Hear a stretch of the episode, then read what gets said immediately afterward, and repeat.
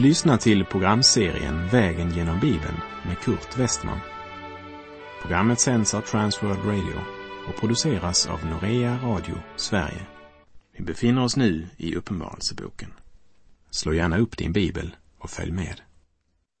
Jag avslutade förra programmet med att säga att vi i vers 11 i Uppenbarelsebokens trettonde kapitel möter det tredje ledet i den djävulska treenigheten. Och vi har ju talet sex där talet tre gånger sex symboliserar den treenighet som består av Satan som efterapar Fadern, Antikrist som efterapar Sonen och den falske profeten som efterapar Anden. Och från vers 11 här i kapitel 13 så ser vi att Antikrist har ännu inte uttömt alla sina resurser. När det nu dyker upp ett vilddjur från jorden, det vill säga han har sina rötter i den kristna församlingen. Och om det första vilddjuret var en politisk ledare, så blir det andra vilddjuret en religiös ledare vars inflytande omfattar hela jorden. Vi läser Uppenbarelseboken kapitel 13, vers 11 till och med 13. Och jag såg ett annat vilddjur stiga upp ur jorden. Det hade två horn som ett lamm, men talade som en drake. Det utövar det första vilddjurets hela makt inför det och får jorden och dess invånare att tillbe det första vilddjuret vars dödliga sår hade blivit läkt. Det gör stora tecken och får till och med eld att falla från himlen ner på jorden i människornas åsyn. Den falske profeten är Antikrists propagandaminister som grundlägger en ny religion genom sin förförande makt och sin enorma vältalighet. Med sin raffinerade skicklighet, inspirerad från avgrundens brunn, överbevisar han människorna. Ordet är hans verktyg och genom detta, det andra djuret, sker stora tecken och under när han likt Elia får eld att falla från himlen. Det hade två horn som ett lamm, det vill säga han uppträder med en fromhet som skenbart liknar Kristus, men hans tal avslöjar honom.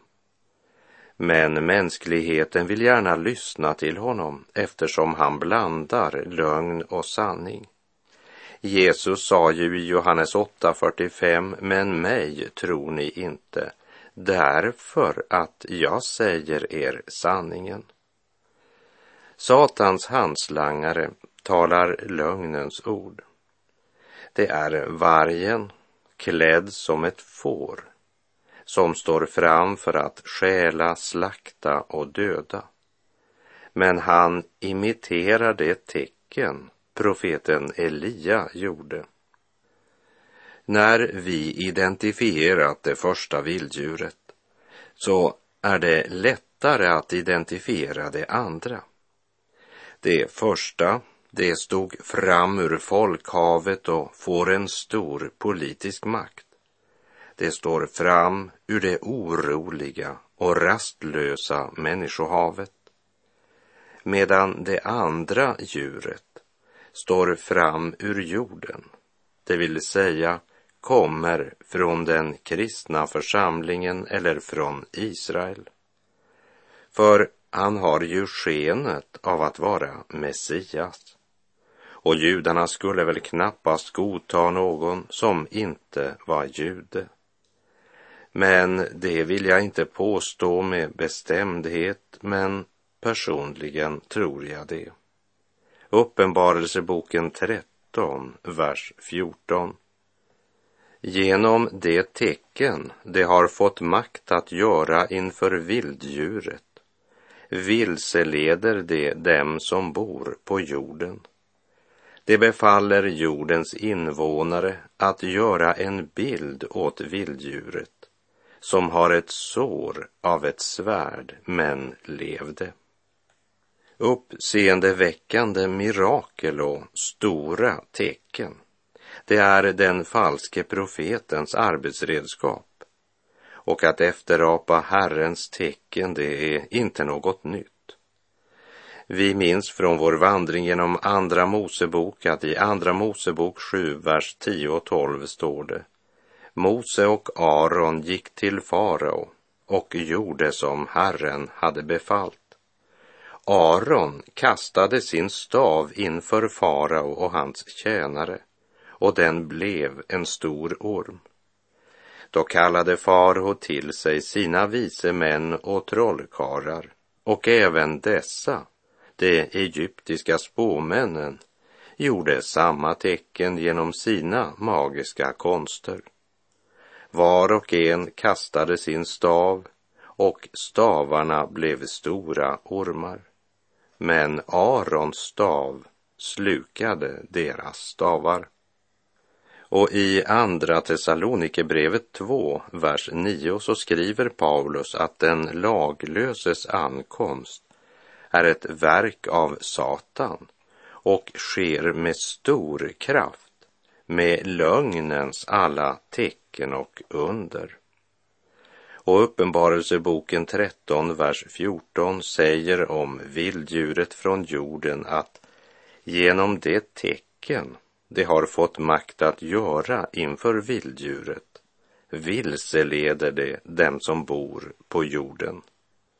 Det handlar om den falske profetens höjdpunkt och det är ju naturligt att han hatar Guds barn som vittnar om sanningen. Guds barn proklamerar Guds ords sanning medan lögnprofeten falskeligen gör anspråk på att förkunna sanningen, medan det är det själviska begäret som är hans drivkraft och hans inspiration kommer från avgrundens brunn. Att den falske profeten stiger upp ur jorden talar också om att det handlar om en jordisk visdom. I sitt tredje kapitel talar Jakob i sitt brev om den vishet som inte kommer ovanifrån, utan är jordisk, oandlig, ja, demonisk. Men mänskligheten låter sig förvillas av det övernaturliga under som han utför.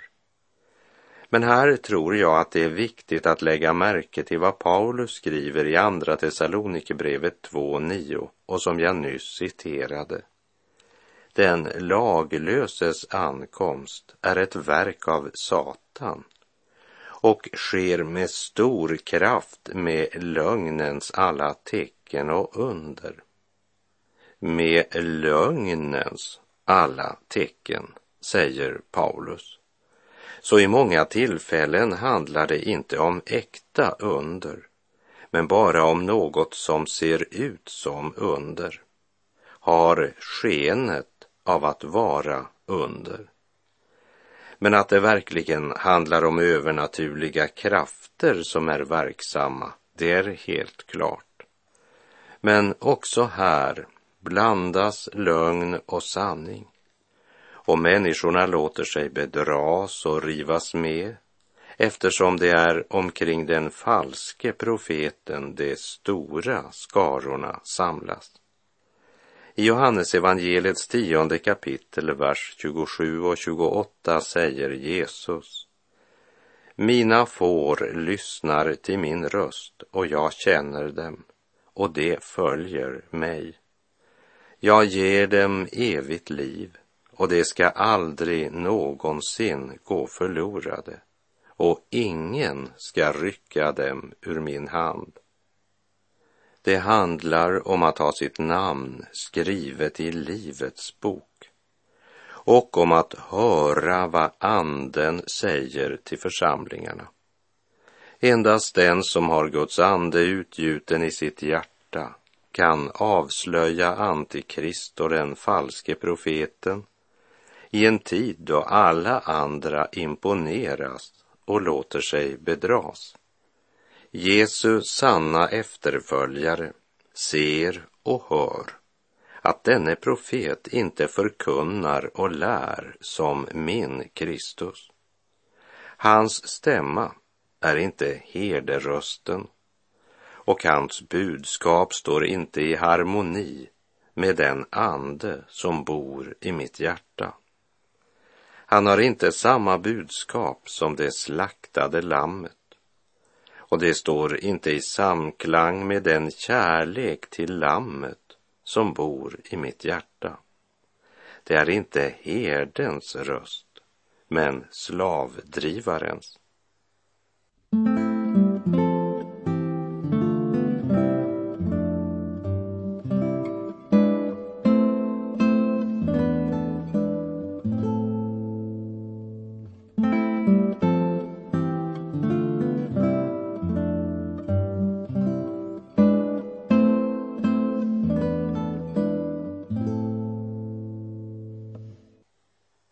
Vi läser Uppenbarelseboken 13, verserna 14 och 15.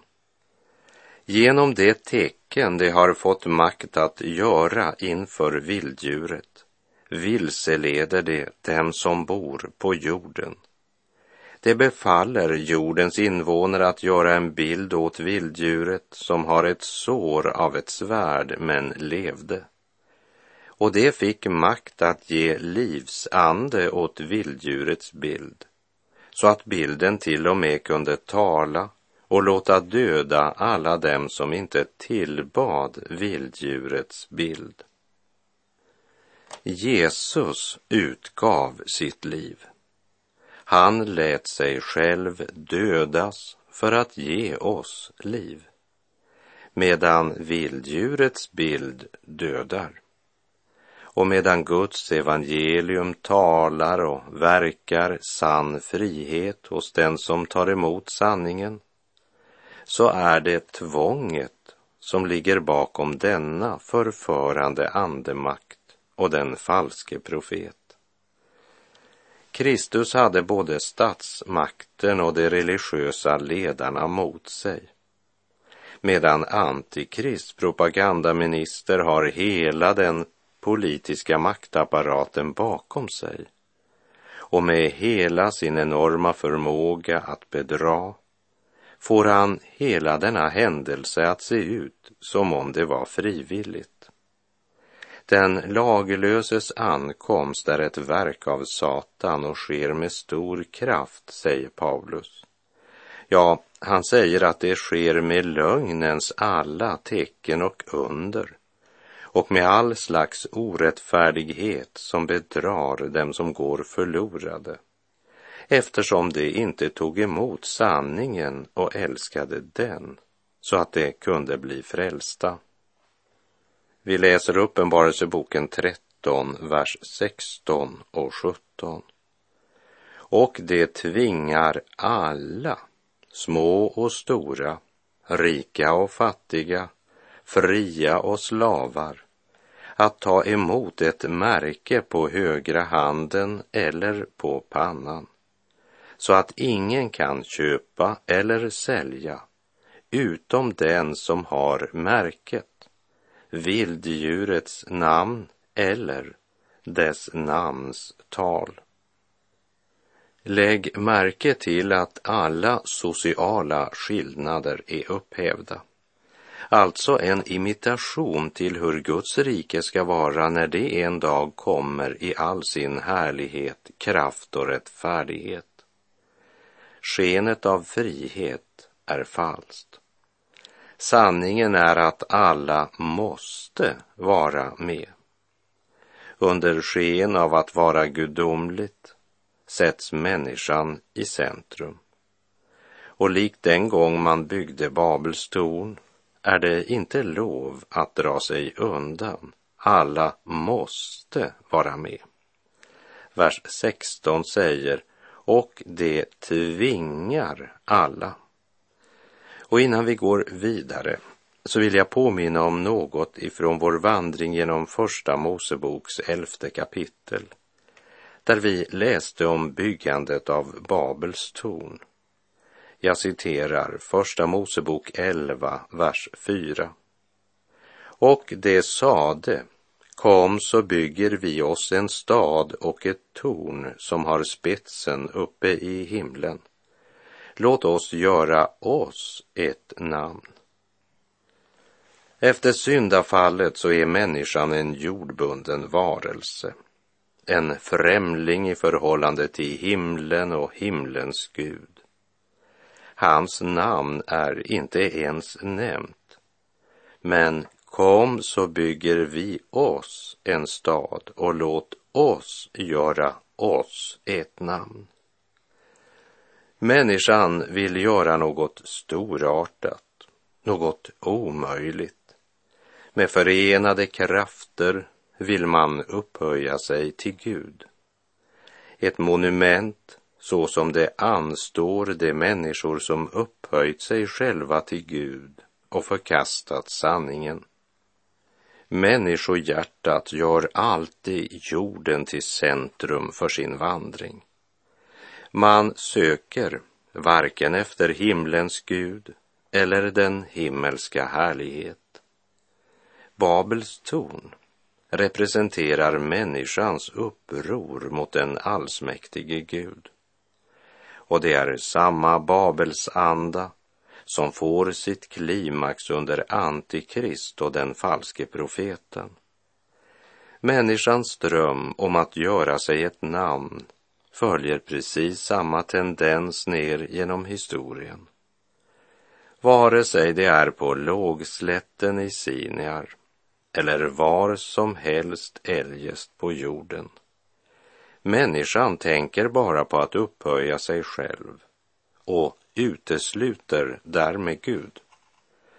Och när människan ska förena sina krafter för att göra människan fri och lycklig så är friheten redan förlorad.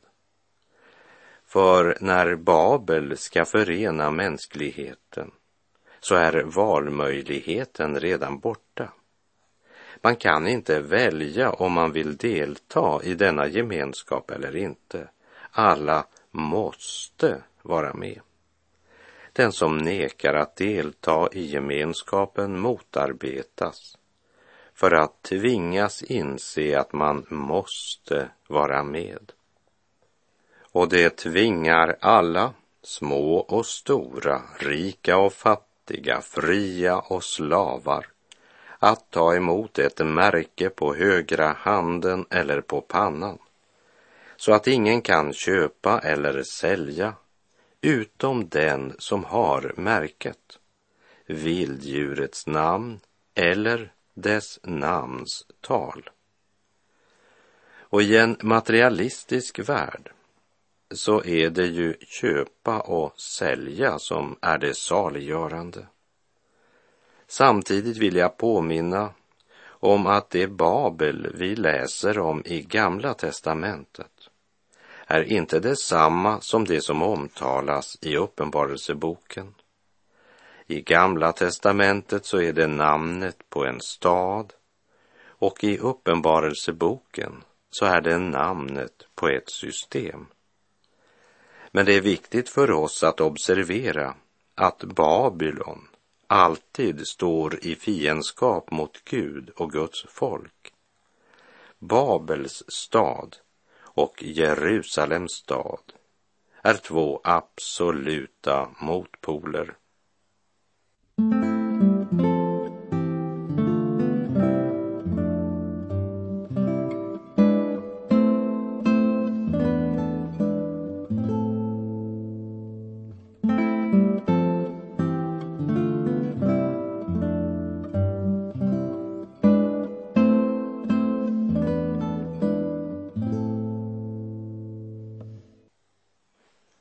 Vi läser Uppenbarelseboken 13, vers 18. Här gäller det att vara vis. Den som har förstånd må räkna ut vilddjurets tal, ty det är en människas tal, och dess tal är 666. Hela uppenbarelseboken och kanske speciellt den här versen har ju varit grogrund för de mest spekulativa tolkningar, beräkningar och förutsägelser. Men budskapet är inte givet för att vi ska förutsäga vem som kommer att stå fram eller när han står fram. Men för att Guds barn, när han har stått fram, ska kunna känna igen honom så att vi inte förförs av hans makt och utstrålning. Låt oss påminna varandra om att uppenbarelseboken är Jesu Kristi uppenbarelse som Gud gav Johannes för att visa sina tjänare vad som snart måste ske. Det vill säga vad som är oundvikligt eftersom största delen av mänskligheten förkastat Gud och sanningen. Budskapet är en tröst från Herren Gud till en kämpande Guds församling i ändetiden. Budskapet ska ge oss en fördjupad kunskap om vem Jesus är. Herren önskar stadfästa Guds barns identitet och lära oss att vandra i Lammets fotspår. Det slaktade Lammets fotspår. Och så känna igen imitatorn som gör stora tecken och får till och med eld att falla från himlen ner på jorden i människornas åsyn. Det betyder att vi inte ska ha för bråttom förbi den artonde versen i Uppenbarelsebokens trettonde kapitel. Låt oss läsa den och tänka efter och begrunda dessa Jesu ord. Här gäller det att vara vis. Den som har förstånd må räkna ut vilddjurets tal, ty det är en människas tal, och dess tal är 666. Därmed så försöker vi inte lägga något pussel eller ge några detaljförklaringar eller försöka att nu identifiera denna person med hjälp av dessa tal. För det ska nog bli uppenbart för det som lever och vandrar i ljuset när den dagen kommer. Det som är viktigt för oss, det är att lägga märke till att det handlar om avgrundens makt som kommer genom människor. Därför ska vi inte förlita oss på människor, men söka in i Guds ord under studium, fasta och bön. Och vi måste vara klara över att här gömmer sig en hemlighet som blir uppenbar först när man får uppleva detta. Och då blir det till stor tröst när också denna dörr öppnar sig mitt i deras svåra nöd.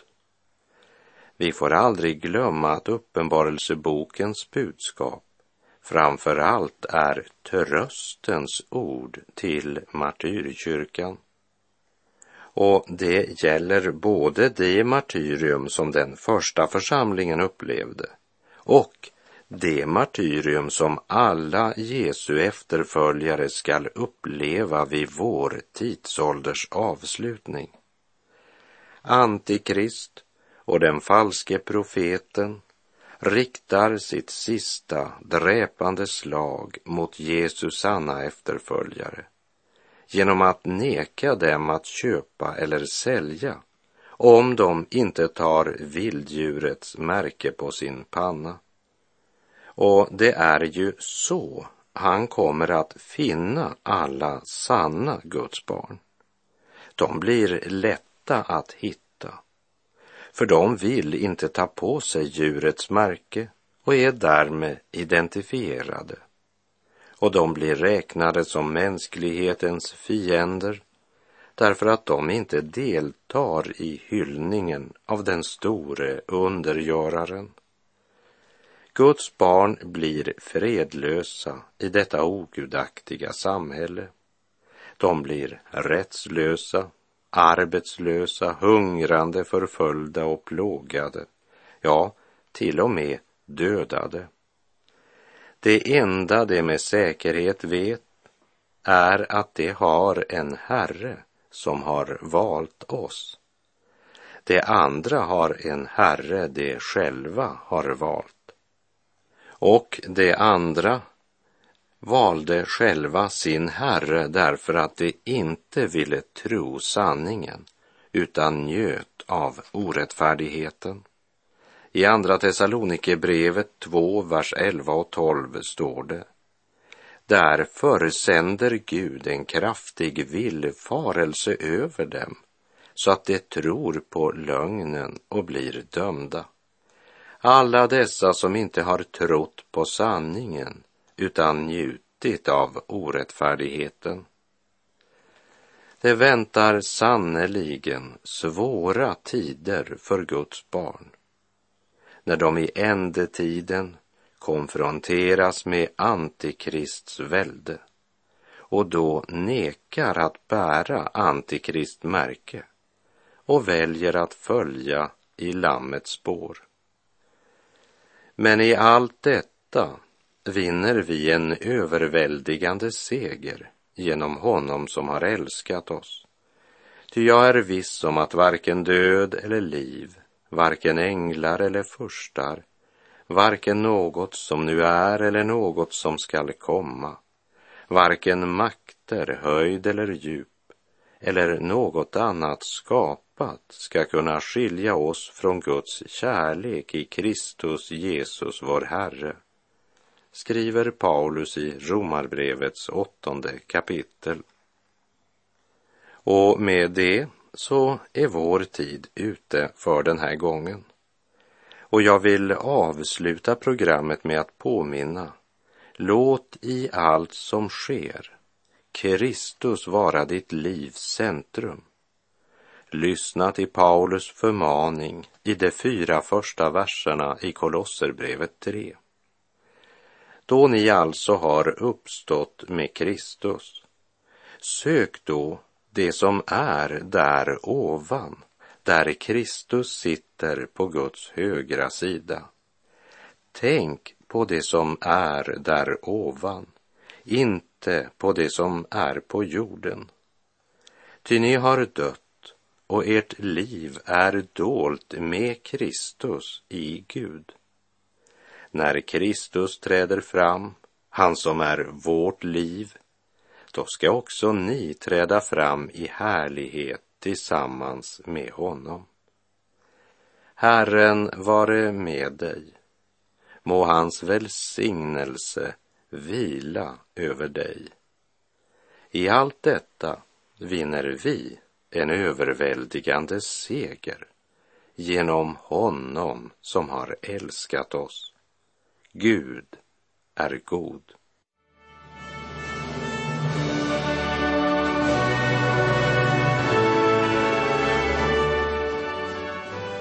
Du har lyssnat till programserien Vägen genom Bibeln med Kurt Westman som sänds av Transworld Radio. Programserien är producerad av Norea Radio Sverige. Om du önskar mer information om vårt radiomissionsarbete så skriv till Norea Radio Sverige, box 3419 103 68 Stockholm. Adressen är alltså Norea Radio Sverige box 3419. Postnumret 10368 Stockholm.